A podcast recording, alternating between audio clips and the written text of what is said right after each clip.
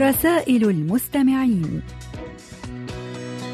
أحبائي المستمعين السلام عليكم. أهلا ومرحبا بكم في هذا اللقاء الأسبوعي المتجدد مع رسائلكم ومساهماتكم القيمة والجميلة. ونشكركم أصدقائي الأعزاء على تعليقاتكم حول الموضوع الذي طرحناه الأسبوع الماضي وهو يذكر الناس بالصفة الغالبة على حياتهم. فمنهم من يذكر بالكرم أو الصرامة أو برقة القلب أو حسن الخلق ومنهم من يذكر بالجمال أو الذكاء أو بعد النظر فبأي صفة تحب أن تذكر؟ وسوف نستعرض خلال هذه الحلقة بعض الردود التي جاءت إلينا على صفحتنا على فيسبوك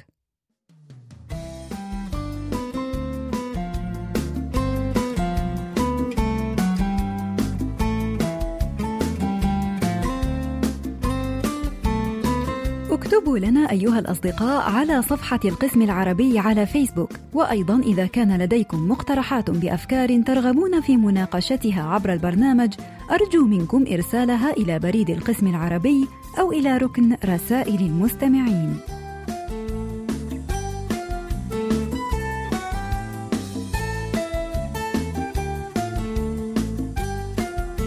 وأول رسائلنا اليوم هي رسالة قيمة من الصديق ناصر ظفير المشاركة عن الأم وماذا قالوا عنها الأدباء في رواياتهم فلنقرأها معا. الأم في أروقة الأدباء. ديستويفسكي. على سبيل المثال الأم يجعلها حبها لأولادها وحنانها عليهم تخاف خوفا قد يهوي بها إلى المرض إذا هي رأت ابنها أو بنتها يبتعدان ولو قليلا عن السكة المرسومة والطريق الممهد. رواية الأبله. تولستوي. وأية امرأة تسهر ليلا على ولد مريض كريه الرائحة إلا أمه دون سواها. لقد وفرت الطبيعة للولد حماية في محبة أمه. قصة طريق النور. ماكسيم غوركي. إن فخر العالم بأسره منبثق عن الأمهات. فكل أم هي في الحقيقة طفل كبير طفل مضاعف مئة مرة من حنو القلب. قصة الأم.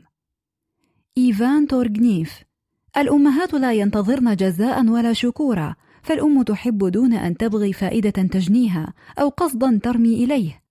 عظيمة ماجدة رائعة وجميلة أنت أيتها الأم. يا من تردد اسمك على كل الشفاه أعمالك الرائعة العظيمة تنتشر في أصقاع العالم كله. قصة عادية. أما عن أنطوان تشايخوف فيقول في إحدى رواياته لا يستحق أي شخص في هذا العالم الكريه محبتنا أكثر من أمهاتنا. عن نفسي لا أعتقد أنه توجد فرحة على الأرض أعظم من فرحة الأم تجاه أبنائها. نشكرك على هذه المساهمة القيمة وندعو أنفسنا وأصدقائنا جميعا لبر أمهاتنا أمواتا وأحياء. فاللهم بارك في أمهاتنا وارحمهن جميعا.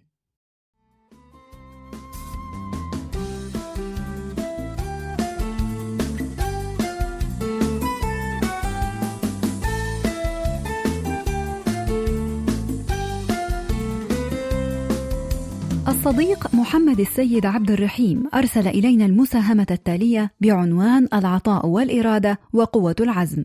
تقول: على الإنسان ألا يعيش لنفسه فحسب، بل للآخرين، فما استحق أن يولد من عاش لنفسه، إذ أننا عندما نعيش لأنفسنا تصبح أعمارنا قصيرة، وعندما نعيش لأنفسنا وللآخرين تمتد أعمارنا إلى ما بعد موتنا. والنجاح لا يأتي بدون جهد، ولا يجنى من غير زرع. وإذا ما زرعته فإنك جانيه لا شك من زرع النجاح جناه. والنجاح لا يأتي إلا من النفوس القوية التي تتحلى بالإرادة وقوة العزم. ولربما رأى أحد أن القوة هي أن تطيح بخصمك. ذاك جانب من القوة وليس الشديد بالصرعه إنما الشديد الذي يملك نفسه عند الغضب. أي بمعنى أن القوة في النفس والتحكم بها. وإذا ما تحكمت بنفسك وكنت سيدها فإن ذلك يؤهلك لتكون سيدا على العالم. ذلك بحفظك نفسك وتحكمك بتصرفك. لتكون سيد العالم كن سيد نفسك اولا. وسئل أحدهم بما سدت قومك؟ قال لم أخاصم احدا إلا تركت للصلح موضعا.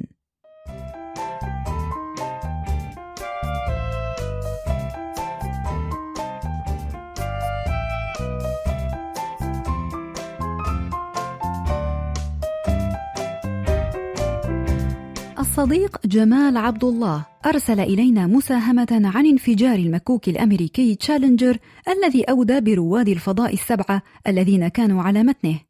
ففي يوم الثلاثاء الموافق الثامن والعشرين من شهر يناير من عام 1986 تقرر بدء رحلة الفضاء للاتصال بقمر صناعي ولجمع معلومات عن مذنب هالي وذلك أثناء مروره بأقرب نقطة للشمس. وحيث أنها فرصة لا تتحقق إلا بعد 76 عاما. هي مدة دوران مذنب هالي وحيث أن هذه الرحلة انطلقت بعد تأجيل ثلاث مرات كان طاقم الرحلة المسمى STS-51 مكونا من سبعة رواد فضاء.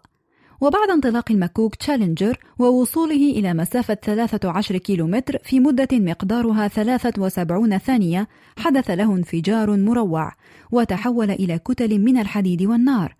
وسقطت بعض الأجزاء في المحيط في منظر محزن ومؤلم. وكان أبشع حادث فضائي وقع في تاريخ اكتشاف الفضاء.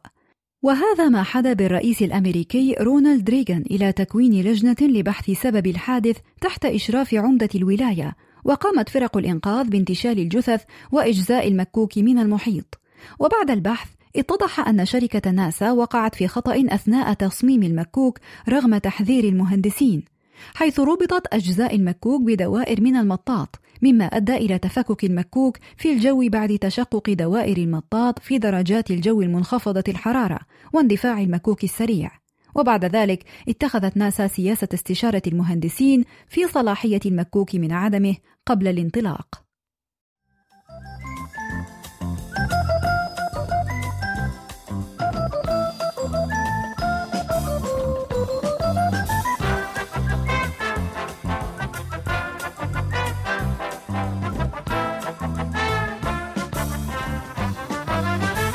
الصديق عبد الناصر محمد رشاد كامل أرسل إلينا بعض المعلومات الجغرافية العامة نقرأها فيما يلي.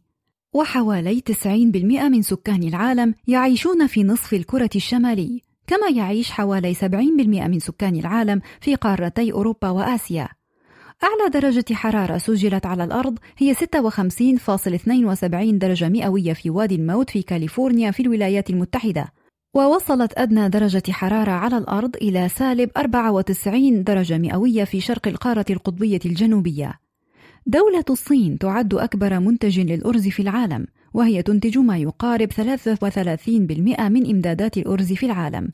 وتعد دولة تايلاند ثاني أكبر منتج ومصدر للأرز في العالم.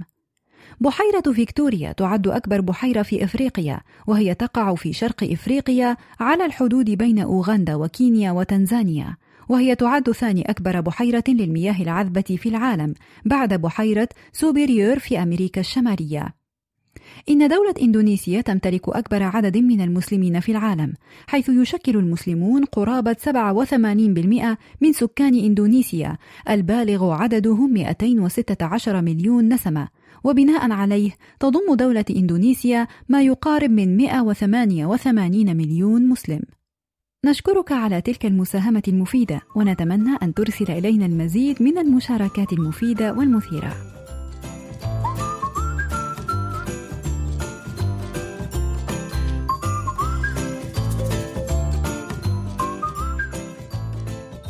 ومن الأرشيف تخيرنا رسالة للصديق عبد الإله إزو نقرأها معا فيما يلي.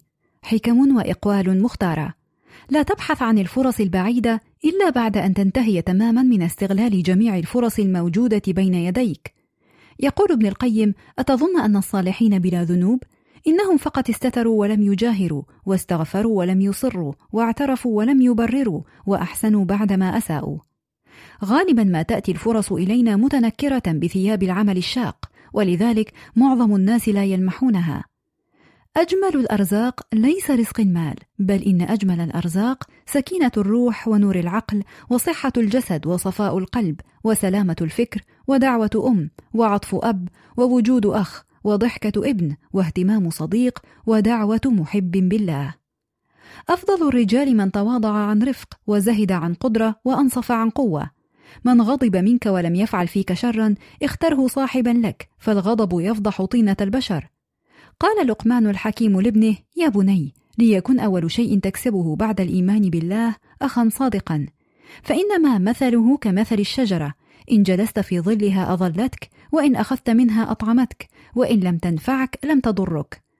إذا لم يكن لديك شيئا تعطيه للآخرين فتصدق بالكلمة الطيبة والابتسامة الصادقة وخالق الناس بخلق حسن.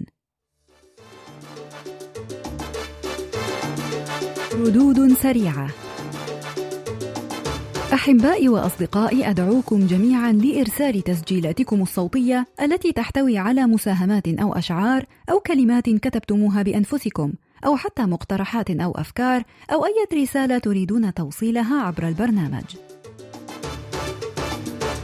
شكرا للصديق بو علي مؤمن على مساهمته التالية: الصديق الوفي بأفعاله وأعداؤك من أفكارك، أحسن الظن فإن بعض الظن إثم، المعارف كثر والأصدقاء قلة. وفي كبسولة أخرى من الصديق فارس محمود قال: النصيحة هي ما كان في السر لا على الملأ، وتذكر دائما تلك الأبيات: تعمدني بنصحك في انفرادي، وجنبني النصيحة في الجماعة، فإن النصح بين الناس نوع من التوبيخ لا أرضى استماعه. شكرا للصديق كمال محمد على كلماته التالية: أن تموت جوعا وأنت حر خير من أن تعيش عبدا وأنت سمين.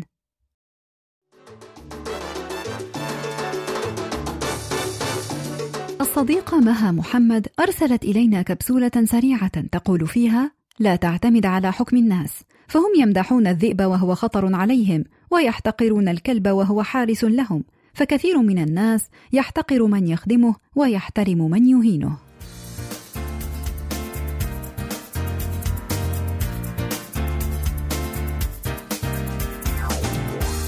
ومن رسائل الصديق علي بن شهرة تخيرنا الرسالة التالية بعنوان قال بعض الحكماء: سلامة الجسد في قلة الطعام، وسلامة الروح في قلة الآثام، وسلامة الدين في الصلاة على خير الأنام. عليه الصلاة والسلام. تعتبر شهوة البطن من أكثر الشهوات خطرا على أخلاق الناس وتصرفاتهم، إذ أن الجوع يقف في بعض الأحيان وراء بعض جرائم السرقة والقتل، ومن الأدلة على ما نقول أن العرب في الجاهلية كانوا يقتلون أبناءهم خشية الفقر والجوع، وقد جاء الإسلام لينهاهم عن ذلك. والمجاعة وسوء التغذية اللذان يتسببان بالموت أحيانا شبحان مخيفان يهددان العالم الحديث بأسره. حتى أنه قامت نظريات اقتصادية عديدة تؤكد أن القرن القادم سيشهد تزايدا في عدد الوفيات نتيجة لقلة الطعام وسوء التغذية. لهذا ولأهمية هذه الشهوة في التحكم بحياة الناس دعا الإسلام إلى تهذيبها والسعي إلى ضبطها وفق نظام خاص يقوم على الوسطية وعدم الإسراف. صدقت ونحن نشكرك على هذه المساهمة شديدة الأهمية التي تذكرنا بذلك القانون المهم جدا وهو الوسطية وعدم الإسراف في كل الأمور.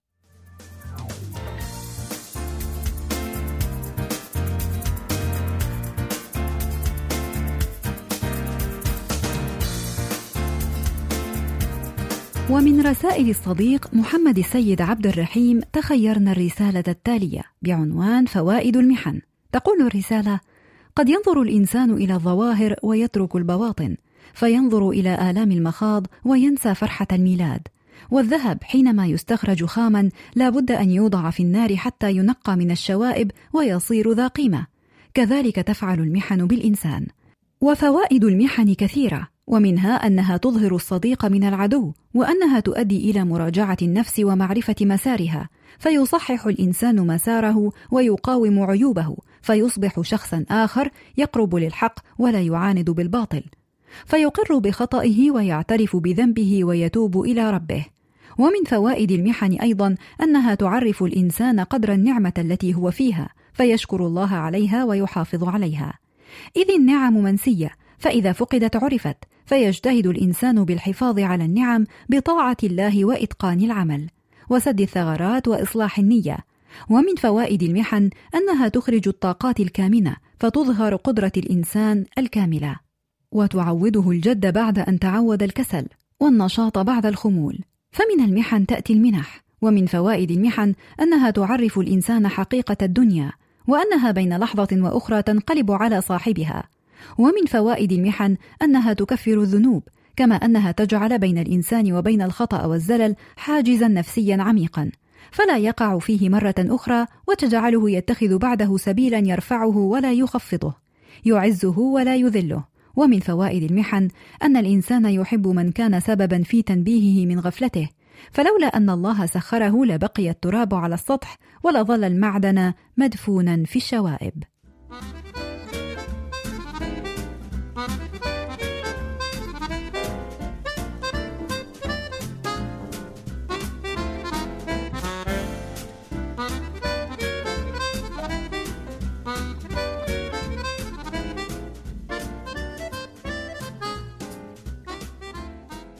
الصديق نوري عبد الرزاق أرسل إلينا رسالة امتلأت بالحكمة نقرأها فيما يلي. أكثر ما يتعب الناس ليست الأشياء الموجودة حولهم، بل الأشياء التي ليس لها وجود في واقعهم، مثل الخوف من شيء لم يحدث بعد، والقلق على شيء لم يوجد لحد الآن، والتألم على شيء مضى وانتهى ولم يعد موجودا، ولذلك أقول: الذي يتعبك عقلك وليس واقعك. متقلب الود لا يؤتمن وفاضح السر لا يؤتمن وناكر الجميل لا يؤتمن وكاسر الخواطر لا يؤتمن ومن يأتيك وقت فراغه لا يؤتمن وإن لم تتخذ الحذر مما سبق فأنت على نفسك لا تؤتمن. لا تطمح أن تكون أفضل من الآخرين بل اطمح أن تكون أفضل من نفسك سابقا فالعقول تصغر عندما تنشغل بالآخرين وتكبر عندما تنشغل بذاتها. أتعلم ما معنى الانطفاء؟ هو أن تتوقف رغبتك في الحديث مع شخص كنت لا تتحدث إلا معه، وأن تنسحب بهدوء من حياة شخص كنت ترجو ألا يبتعد عنك. أنت الذي كنت تغفر أصبحت لا تهتم بما يفعله حتى لو آذاك لا تعاتبه. وأخيرا سلاما على صمتنا حين يؤلمنا كل شيء.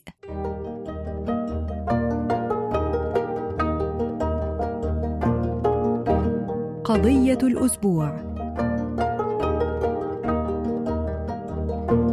وموضوع هذا الأسبوع هو الصفة التي تحب أن يذكرك الناس بها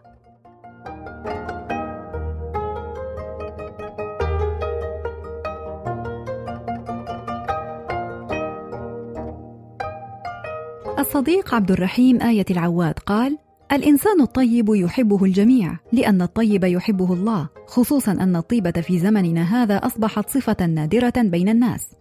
فمن يعثر على شخص طيب عليه أن يتمسك به جيدا ولا يحاول إفلاته أو التخلي عنه. فالجميع يتمنون أن يكسبوا أصدقاء وأشخاص يتمتعون بصفة الطيبة لأنها صفة محمودة تجعلك تتعامل مع الشخص من دون خوف أو قلق أو تكلف. وصاحب هذه الصفة يتمنى الخير للجميع ويحب لهم تحقيق الأفضل دائما سريرته نقية وباطنه يشبه ظاهرة. ولا يضمر الشر أو ينوي السوء لأي شخص مهما كان. يتجاوز عن إساءة الآخرين له بطيب نفس كما يسامح على الخطأ وينسى ولا يعاتب. ولا يسيء الظن بالآخرين ودائما ظنه خير وحسن ولا يدخل في نزاعات أو خصومات مع الآخرين. وقد فصل صديقنا في أخلاق الطيبين وصفاتهم. ومن لا يحب أن يذكر بطيبة القلب؟ الصديقة رسل عبد الوهاب تقول: ما أجمل أن تترك أثرا طيبا وتجد من يذكرك أو يدعو لك بالخير في حياتك أو يدعو لك بالرحمة بعد وفاتك، وأن يكون ذكرك مثل نسمة صيف باردة خاصة عندما تكون حسن الخلق والأخلاق. سلها تقول: الأخلاق والأدب. والسندس البراق يقول بالكرم ورقة القلب وحسن الخلق والذكاء أيضا لأن صفة الجمال ليست مهمة المهم أن نذكر بحسن الذكر بعد الموت بارك جيميناس يقول العناد وقوة الرأس. ليست صفة حلوة ولكن هذا هو الواقع. وأخيرا الصديق عبد الإله إزو يقول كل إنسان يحب أن يذكر في حياته وبعد وفاته بصفات جميلة وحسنة لكن عليه أن يكون أيضا يستحق هذه الصفات. وأكثر الصفات التي أحبها هي أن يكون الإنسان كريما وحسن الخلق ورقيق القلب. نشكركم جميعا على ردودكم القيمة. ولا شك أن كل منا يحب أن يذكر بالخير. ولكن لا شك أيضا أنه هناك صفة واحدة غالبة يحب أن يذكر بها لأنها كانت الأكثر تفردا وتميزا في شخصيته. ونحن ندعو الله أن نذكر وإياكم بكل خير.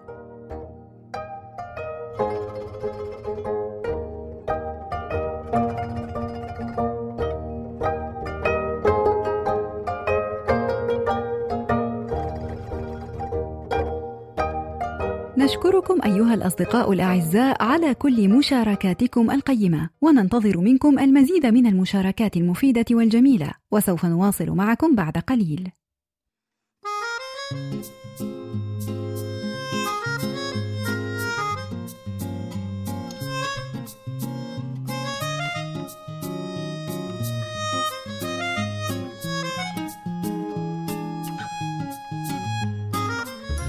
ونختم بجلسة شعرية لأبي فراس الحمداني أرسلها إلينا راصدنا الرسمي رائد شهاب.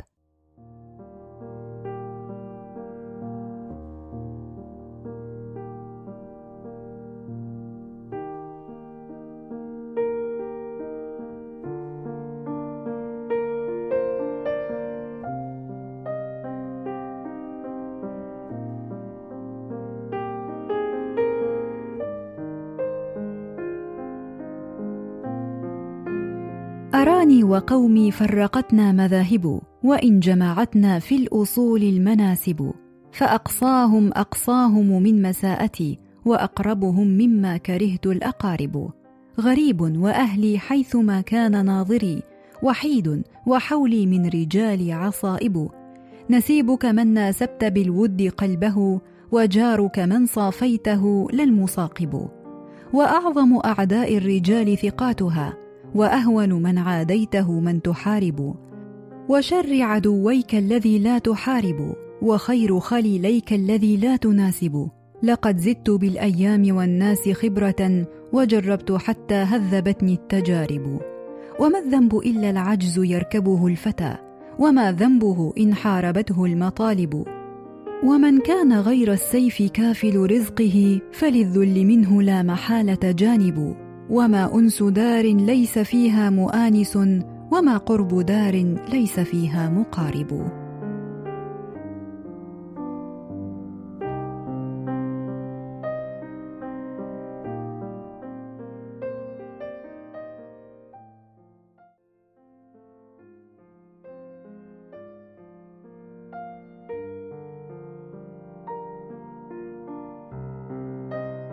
هكذا أيها الأحباء وصلنا وإياكم إلى ختام حلقة هذا الأسبوع من برنامجكم المحبب رسائل المستمعين. ونعدكم أيها الأصدقاء الأعزاء بأن نلتقي معكم في مثل هذا الموعد من الأسبوع القادم إن شاء الله. وحتى ذلك الحين لكم منا كل التحية.